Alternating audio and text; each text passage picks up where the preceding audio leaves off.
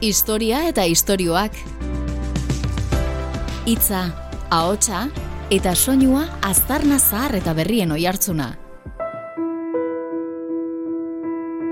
Baserria gure landare muko eraikuntza ezagunena eta seguruenik preziatuena da.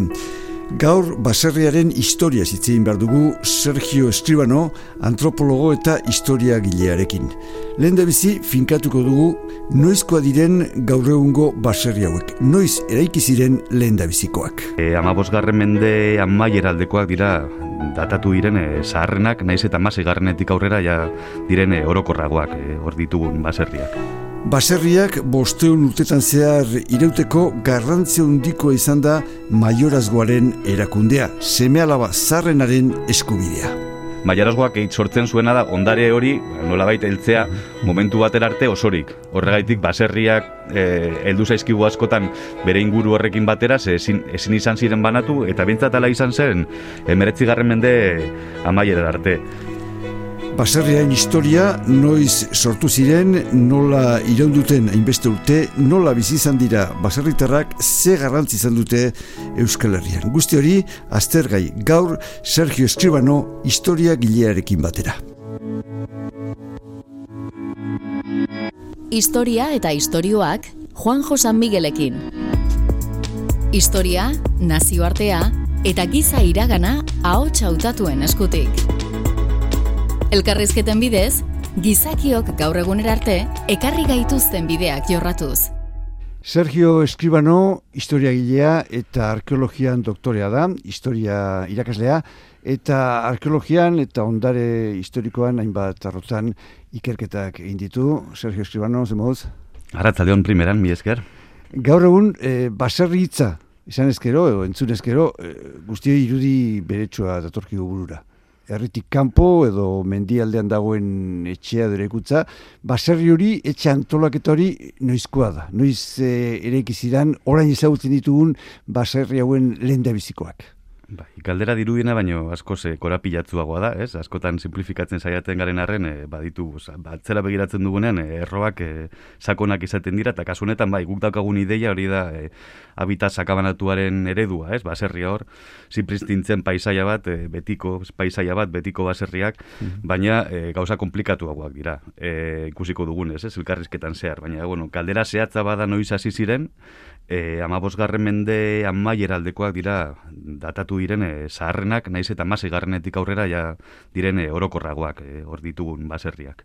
Oie dira, ba, orain ezagutzen ditugunak, arrizkoak, etxe handi hoiek, e, bi albotara dituzte telatuak, horren aurretik, e, ze etxetan, zera ikutzetan bizi ziren e, familiak e, hemen Euskal Herrian? Hor, itzu gaude, edo behintzat, e, itzu ezin ditu horren inguruko testuak irakurri, orduan hor, e, arkeologiak edo materialtasunak hitz egiten du, eta horre aurkitu diren aztarnarik zaharrenak dira e, aurretik zegoen arkitektura, egurrezko arkitektura batenak. Mhm. Hau da, e, behai, bas, erde, be, ez erdi, erdiaron bakarrik, baizik eta historia aurretik, ba, e, egurrezko etzetan bizen, bizen jende Euskal Herrian ere, agian famatuenak gure inguruan dira hor erdiaroan eta arkitu izan ditugunak, besteak beste gazte izen, eta alako, e, eta bizi ziren. Izatez, arrizko eraikin bakarrak, elizak, arresiak, dorretzeak eta haiek izaten dira, eta jarraian e, baserriak etorri ziren, ez? Pertsona normalen etzeak. Osea, jende arruntza egurrezko etxetan bizizan e, hori baino leno. Hala da, hala da. Mm-hmm. Eta baserri berez, e, baso aldeko herri, esan nahi du, zergatik deitzen dio gorrela etxe bakartu hauei ba, gizarteak bere memoria eratzen duelako, ez? Eta askotan kasu honetan geratu gara jatorriz etxe multzoak ziren, e, hirietan ez baizik eta landaren mutan egoten ziren etxe multzo txikiak, baina gure memoriak e, pues alako sortzen ditu, ez? Eta ba, normalean ere etzoiek ba, izaten zuten bere luzitua, bere estal, e, estalera, ez? E, eta guk harria ikusten dugun moduan guretzako baserrizar bat arriskoa da, baina ez, etxe guztiak zuten bere luzitua, ba, honekin bezala berdina gertatu zen, multzoak ziren, baina guk ikusten dugu baserria isolatuta bezala. Zergaitik, mm, geratu garelako prozesu horren deskomposizioarekin edo ondarrekin, ez? Baina berez, baserriak ziren e, bas, iritartasunaren kontrakoa, ez? Landatar gizartean tolatzen zen e, etxe multzoak ziren. Osea, hirietan horrietan bizi etzienak baserrian bizi zian. Hori da. Bako etxe multzotan. Baserriak esan duzu, bosteun bat urte dituela, e, ze baldintzatan, ze egoeratan sortu ziren lehen biziko basetxe haiek. Gora ezagun, Euskal Herrian ze egoera zegoen orduan.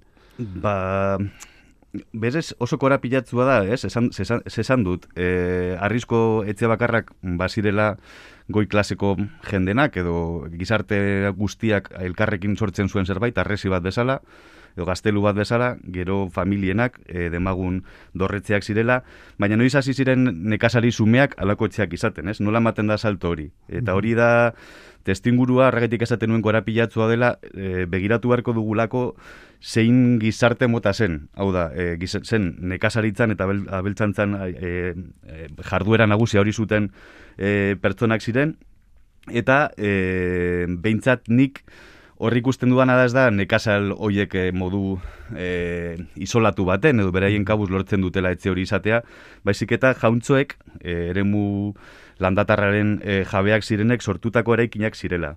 Hau da, nik ikusten dut behintzat baserrien sorrera e, merkatuari lotua. Hau da, jauntzoek bapatean merkatuari e, merkatu badagoela hortzen direnean, eta gian beraien bizimodua hortik ere joan daitekela pentsatzen dutenean, beraien errekurtzoak jartzen dituzte hor, tartean, eta sortzen dituzte eraikin batzuk errekurtzo horiek kudeatzeko. E, hau da, deitzen dena e, e, feudalismo, e, merkatu feudalismoa edo kapitalismo, nekazal kapitalismoa, ez? Hau da, nor zituen en, elanda munduko rekursoak jauntzoek, horiek jartzen dituzten e, rekurso bezala. Nik pentsat, nire ikerketen arabera horri ikusten dut baserrien sorrera. Ez horren beste nekazal e, soil batzuek egiten duten zerbait bezala, baizik eta teknologia eta rekursoak baliatu ze norbaitek sortzen duen e, zerbait bezala. Orduen, e, noblek edo, edo aberatzek zukaten dirua, hoi egiten zituzten eta gehiago usten zuten e, ba, baserritarren edo nekazarien esku errenta baten truke, esatuetako? Nik horrela ikusten du zorrera. Egia esan, gero amazazpia eta batez garren mendetik aurrera beste kontu bada. Hau da, teknologiak guztiekin gertatzen den moduan, ez? Bizikleta ziren militarrek erabiltzen zuten, eta gaur edonork. Eta baserriekin bezala, pues, ziklo produktiboak normalean finkatzen direnean, pues, edonorke lortu ditzazkegu errekurso horiek. Baina sorreran, nik behintzat bai ikusten dut, e, hori, ba, mm, e, jauntzoen estrategia bat bezala, e, egun zeuden e, prozesu ekonomikoei e, begira, eta hoietan sartzeko. Errekurso, beraien errekurtsoa jartzen zituztela e, baserrien bitartez e, merkatuan. Eta, bueno, horrela sortu ziren, eta esan bezala, bosten urte iraun dute gutxura, eta oraindik ere hor daude, iraupen hori ziurtatzeko edo irauteko eh, maiorazgoaren e, figura edo edo erakundea garrantzitsua izan da, ba, iraupen hori ziurtatzeko, zer da maiorazgoa eta, eta zer garrantzi du? Ba, bai dela garrantzitsua zergatik, ze maiorazgoak bada rekurso, lege, lege bidez, bidezko rekurso bada, zeinen arabera, e, familia batek daukan e, ondarea ezin den erdibitu, ez? Beti e, horretik maior, da, maiorretik dator, e, anaia edo neban nagusia jasotzen zuen ondoren gotzan dena, ezin zena zatitu, orduan, egutzitu baino beti egiten zuena zen gehitu, ez? Ondasun horiek gehitu. Horrek zer suposatzen zuen, ba, beste zen, e, e, nebarrebak egin behar zuten zen, ba, beste nunbaiten, beraientzako lan egin, anaia nagusiantzat, edo beste nunbaiten e, bizitza urkitu, ez? Eskondu, elizan bitartez, edo armadan bitartez, edo ameriketara jun, orduan, e, maiarazgoak sortzen zuena da, ondare hori, ba, nola baita heltzea, momentu batera arte osorik. Horregaitik, baserriak, e, eldu zaizkigu askotan, bere inguru horrekin batera, ezin, ezin izan ziren banatu, eta bintzatala izan zen, emeretzi garren mende amaiera arte. Orduan, paisaian finkatu izanak, e, hor daukan fisionomia hori, e, paisareako lotura eta ere maierazgoaren bitartez e, gauzatu zen einen batean. Bai. Le beste lego batzutan Galizian esate baterako asko zatitu zen e, lur horita, horrek asko pobretu zituen e, nekazariak, ez? Zer kontrako, kontrako prozesu izan zuten, nire handi batean. Ala da, ala da, eta hor badu ere, pues, e, inguru bakoitzak zituen e, moduak e, hori garatzeko, ez? E, askotan maiorazgoak bakarrik e, jauntzuen ondasunekin eta erlazionatzen zen, baina Euskal Herrian askoz ere, bueno, bakizu, saldunen zeme izan da, askoz ere horrekortuagoa izan zen, eta et, eta zentzu horretan ere, ba, dugunez abizenek eto familia leinuen e, loturak e, sendotu izan zen eta mantendu denboran zehar, bai. Historia eta istorioak. Ustekabekoak jakinak ziruditen kondaira pasarteetan. Baserriak eh, gizarte antolaketa erakusten digu, baina batez ere familiarena, nolakoa zen baserria barrutik, zein bizi zen bertan eta, eta nola zegoen antolatuta? Printzipioz hori, esan genuen ez, ba, na, e, familiako burua e, bizi zen, bere familia nuklearrakin edo pues, e, maizterrekin eta bar, eta antolaketa naizta ezberdintasunak dauden baserretik baserrira eta izuri alde batetik bestera eta bar, oroar e, beko solairua e, zukaldea eta ikuyu izaten zen, lehen da biziko solairuan etxe bizitza gizarte Osa, so, e, bizitza soziala edo garatzen zen, eta goiko pisuan ganbaran e, lehortegi eta biltegi funtzioa betetzen zituen. Oso oso modu soilean eta asko simplifikatuz. Mhm. Eta baserrian eta baserritarren dieta, horren barruan, ba, beti kaletarrena baino hobea izan da, bueno, normalean. E, nolakoa zen garai haietan eta ondoren ze garapen izan du dieta horrek? Bai, iretan bizi zenak beti erosi bar zuen, ez, jatekoa. Mhm. Gaur egun egiten dugun bezala, ez, irratian gaude mm, jana jateko eta ez dugu zuzenean landatzen, ez. Orduan, mm zentzu horretan haute sufizientziara bideratuta zegoen nekazaritza baten, pues beti zituzten aukera gehiago, ja, ez bakarrik sekalengatik, baizik eta barazkiak, frutuak, e, eta abar, ez? E, orduan, hor badago alde handi bat, e, adibidez, e, pos, bai sekale batzuk e, bideratzen zirela irietara, garia demagun, eta batez ere ogia egitera, baina bai landatarre landaia ere muan beti pues, aukerak e, askoz gehiago ziren eta eskura zituzten, e, batez ere. E, baserria bestea beste ekonomia gunea ere bada, e, antolaketa propia du. E, guztia berdina ziren, ala ezberdintasunak dituzte euren artean, bai baserri ingurukoetan, baita ba, lurralde ezberdinetakoetan.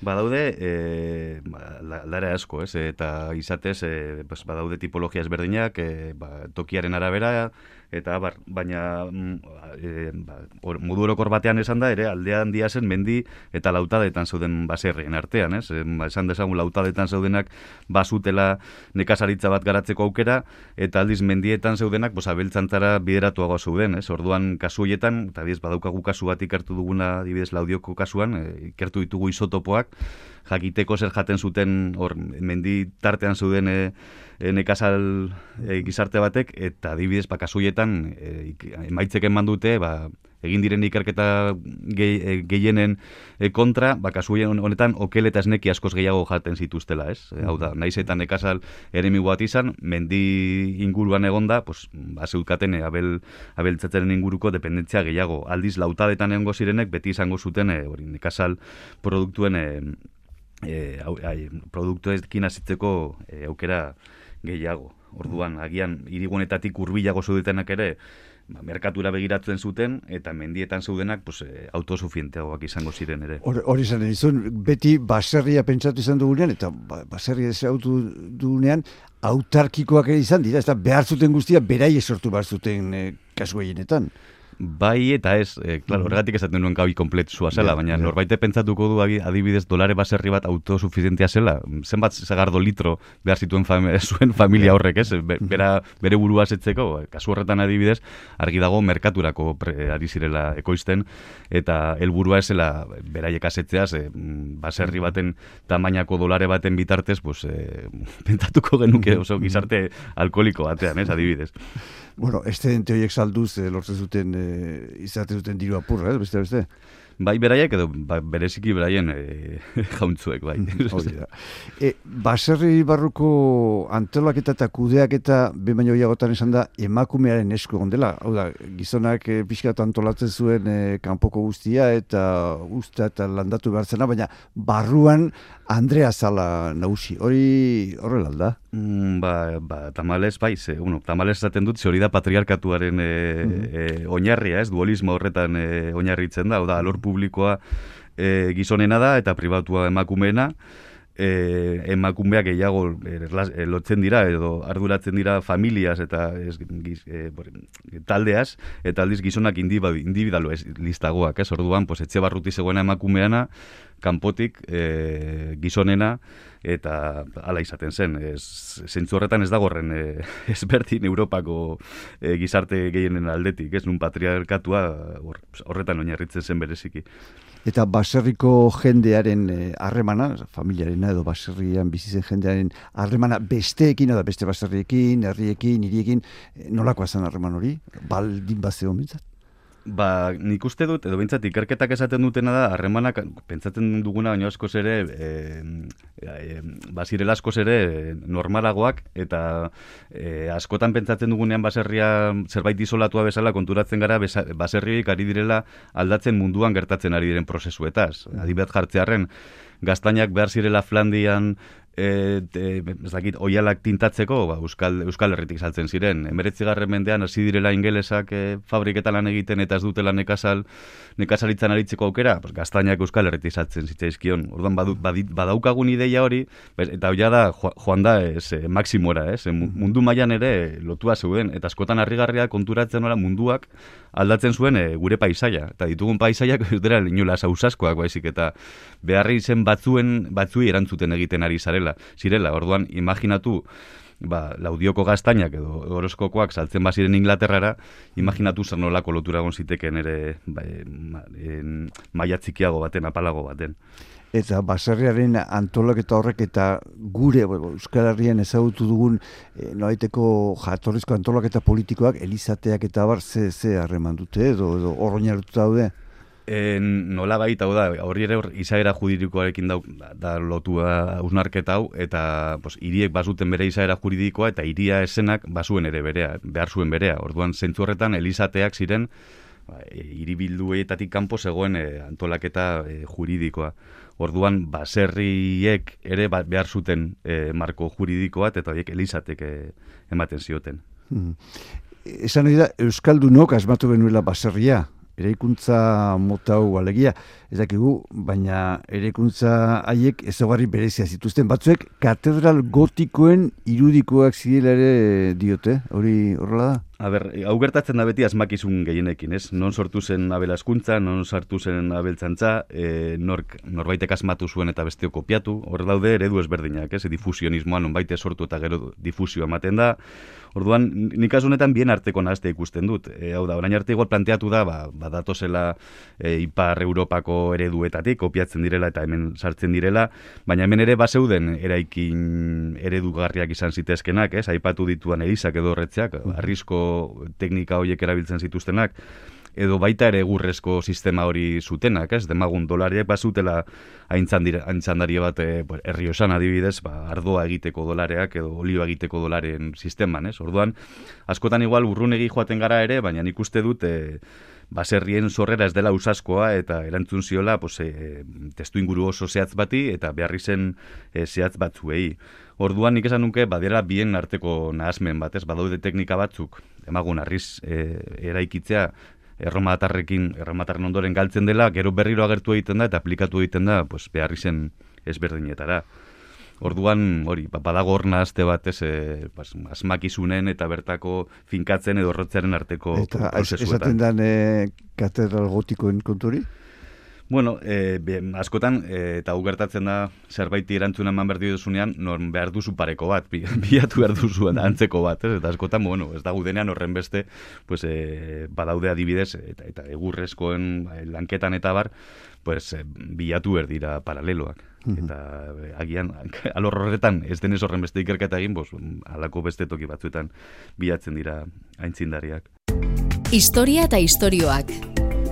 Itza, hotxa, eta soinua. Euskal Herriko lurralde guztietan berdinak aldia, baserriak zerratako gipuzkoak edo eta Nafarrokoa berdina ira, edo Bizkaia eta gipuzkoakoak eh, ezberdina dira, non nolako eta antolaketori? Hor badago, oinarrizko eh, banaketa bat dela izuri alden araberakoa, izuri alde atlantiarran ematen diren baserriak, eta igual berago beste zerbait eta zitze ingo genuke, mm ez, ez dakit, kasa elabran, zetorri burura edo, mm ez? Baina ez, ba, badaude ezberdintasunak, bai denboraen araberakoak eta geografikoak. Hor, hor itzein behar dugun aita ez Alberto Santana lanaren maizulanaz, badagon baserrien katalogo izugarri bat, eta bai ikusten dira tendentzia batzuk, ez, adibidez, non, ba, gipuzkoan ematen ziren baserriak, askotan dolare baten inguruan antolatuak, edo bizkaitar eredua izan zitekena, atari baten artean antolatua, pues, ezberdina direla. Agian ere denboran, ez, dolareak eskatzen zuen antolaketagatik baserrian bertan, edo edo beste labore batzuk adibidez hartoak edo eskatzen zuen batari bat e, lantzeko eta bar. Eta orduan, sortzen dira eredu ezberdinak, eta pues, esaten duzunez, badaude, e, behintzat Albertok e, hor, bai esarri zituela ba, eredu ezberdinak eta eta hor finkatuta daude bere baizulan horretan. Nolako dia utxura bera eredu diferente horiek? Ba, Gipuzkarren kasuan bai, beti antolatzen da gehiago dolarearen inguruan eta bizkaitarri zurialdekoa hori ba, atari baten inguruan, ez? E, askotan ezagutu ditugun baserri horiek, pues, atari bat daukatenak eta eta hor ba, badaude gero ere, pues nabardura asko eta ba, bitarteko asko, ez? Eta, eta Gipuzkoarrak e, Bizkaian eta Bizkaitzarrak Gipuzkoan. Dik ez dait komplejoa da, baina beti izan dugu Bizkaiko ba, baserriak aberatsagoa dira, handiagoa dira, edarragoa dira Gipuzkoako baina hori egia da.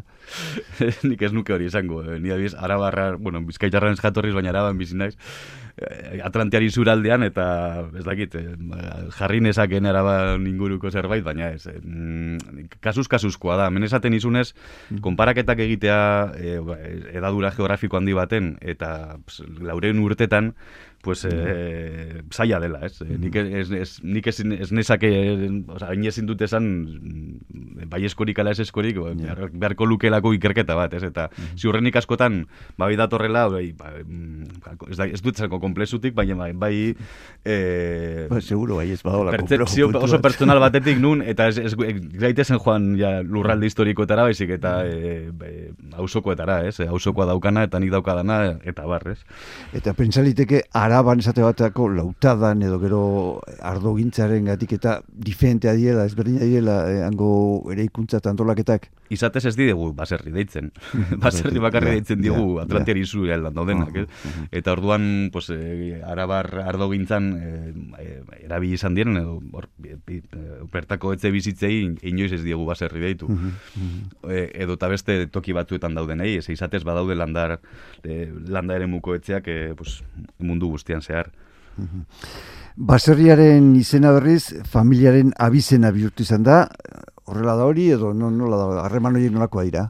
Ba, abizenen ba, kasuan anitzago da kontua, ez? Badaude, pues, e, e, pues, norbaiten seme denaren e, abizena, Garzez Garziaren seme, badaude toki izenak ere rekurtzuak adierazten dutenak, Luzuriaga, Arriaga, Pagoaga, baina umez urtzak direnak, ez? Nun e, ba, emate zitzaion herriaren abizena, ebiatu zen bat bilua dauden adibidez. Baina, bai egia dela, e, Euskal Herrian badagola zerbait oso berezia dela, baserrien, edo, etzearen, e, sendiak, etzearen izena jasotzea, eta bai etze badutela bizaera, ez, nortasunean hor gauzatzen dira, e, abizenetan, ba, beste inon nik esango nuke, baina eragin gehiago. Mhm. Eta ez dago, ez da bakarrik maiorazgo gatik, mantendu zirelako denbora zean gehiago, ez, mugarri bat bezala, ze maiorazgo hori toki askotan eman zen. Mm Esan nuke Euskal Herrian hori nahiko aipatzekoa dela, eta kurioso da nola, izaera pribatu batetik niretzeak, ematen dian izen publikoa, ez? Eh, hau da, abizen, abizen bat, ez? Nik uste dut hori antropologiko oso, oso nola baserria bilakatzen den zubi bat, arlo publikotik pribatura eramaten gaituena. Mhm. Euskal Herretik eh, kanpo baldago baserririk, bueno, esan duzu, lehen esan duzu eta gira, bai e, Nafarrako egualdean eta bai Arabako egualdean beste antolaketa ekonomiko eta eta esango nuke soziala ere badagola, baina hemen kanpo eta eta garai beretsuetan ze, ze nolakoa zen antolaketa? Badaude, osea, Europa artean ba, badaude hainbat kasu, ez? Eta tradizio historiografiko ezberdinek ikertu dituzte. Alemanian badago e, hori, bai, eraikin landatarren inguruko ikerketa sendoa edo Inglaterran bernakular arkitektur deitzen den hori. Baina bakoitzak eta baserri hitzak, ez? Nola laserri lotzen dugun zerbait zehatzarekin, ez genuke e, baserri bat jarriko Arabar herriosan, badaukat bakoitzak bere izaera zergaitik badaukatelako ere bai, inguru zehatz bat eta jarduera ekonomiko zehatz bat. Ez orduan tokiak, e, bai orografiak edo geografikoak e, eta baita toki horreten egiten denak ematen dio ba, forma zehatz bat etzei. Orduan, badaude etxe landatiarrak mundu guztian, baina bakoitzak badauka bere, bere forma e, pues, badagoelako toki batean eta egiten dituelako, bete berdituelako funtzio batzuk. Odon, hainbat, e, toki guztietan daude alakoak, baina, bueno, e, Euskal Herriko Atlantiari izuri aldan daudenak, baute eman komuntasun hori, ez? Ba, dituztelako testu inguru eta oso funtzio e, zehatzak. Lehen emeretzigarren mendea ipatu duzu, emeretzigarren mendeko industrializazioak e, bestea beste baserrien eh, edo baserriaren gainbere ekarri zuen e, zer gertatu zen emeretzigarren mende hortan? Pues, gertatu zen nekazaritza izan zela edo sektore primarioa lehen sektoria izan zela pasatu zela izatetik e, garrantzitzuena ba, bigarren maila bat izatera ez hor ja, pues, bigarren sektoreak industriak eta gero zerbitzuek ekarri zuten e, nekazal jarduera ekonomikoaren gainbera eta jendeak pues, migratu zuen e, ere mulandaterretik irietara eta hor horrek ematen digu gaur eguneko nortasuna eta ez, gure gizartearen e, zena gaur egun hori da, ez? Pasaginen baserrietatik hirietara eta eta hor hemen gaude, hor nola baite atrapata edo. Hor e, ez da orduan sortu zen hori, baina gero e, guk ezagutu dugu bentsat ezkenengo izango nuke berroeta martutan edo gehiago e, baserritarra industrial lanean, hau da, pixkate biak e, kombinatzen zuen e, baserritarra. Bai, nondik atozen eta nora guazen, ez? Mm. hori denborakin nola baiteten egin da, edo bai. askot man, edo zakitzen bat denboratan mantenduko den, baina hori horiek ziren erroak, ez? Emetik atoz, nago egin behar dugu bizira hobeteko, ez? E, oso gutzik mantendu dute jatorrizko e, lanbide primarioa bezala, ez? Beti izan da zerbait... E, Ja, bigarren mailako. Inertzia bat, ez? Mm Hor gizarte batek egiten duena, da nik guk hau egiten dugu, euskalduna gara, baserri hau hau egin behar dugu, baina bueno, metik ez gara bizi, eta denborakin pues, garrantzi hori galdu du. Ba, hori izaten ari zean, ez da, azken urtetan baserriak gare bateko izaera eta ezaguarria galdu ditu, baina oraindik eh, ez da baserriak hor daude, eh, izan duten historiaren adirazle den zerbait gehatzen zaie edo? Nik, nik esan nuke beraiek direla, ez, adierazle hori. Osa, guk behintzat eh, arkeologiatik edo historiatik eta ba, arrietan irakurtzen dugu historia hori, ez. E, Eraikin horiek hor badaude, mm, e, da historiaren emaitza bat, eta horiek ikertzen, e, hau da, ez, ba, horregoteak e, gogoratzen du, baina horrek horiek ikertzeak, pues, esaten digu nondik mm, gatozen, zer izan garen eta segaitik dauden hor.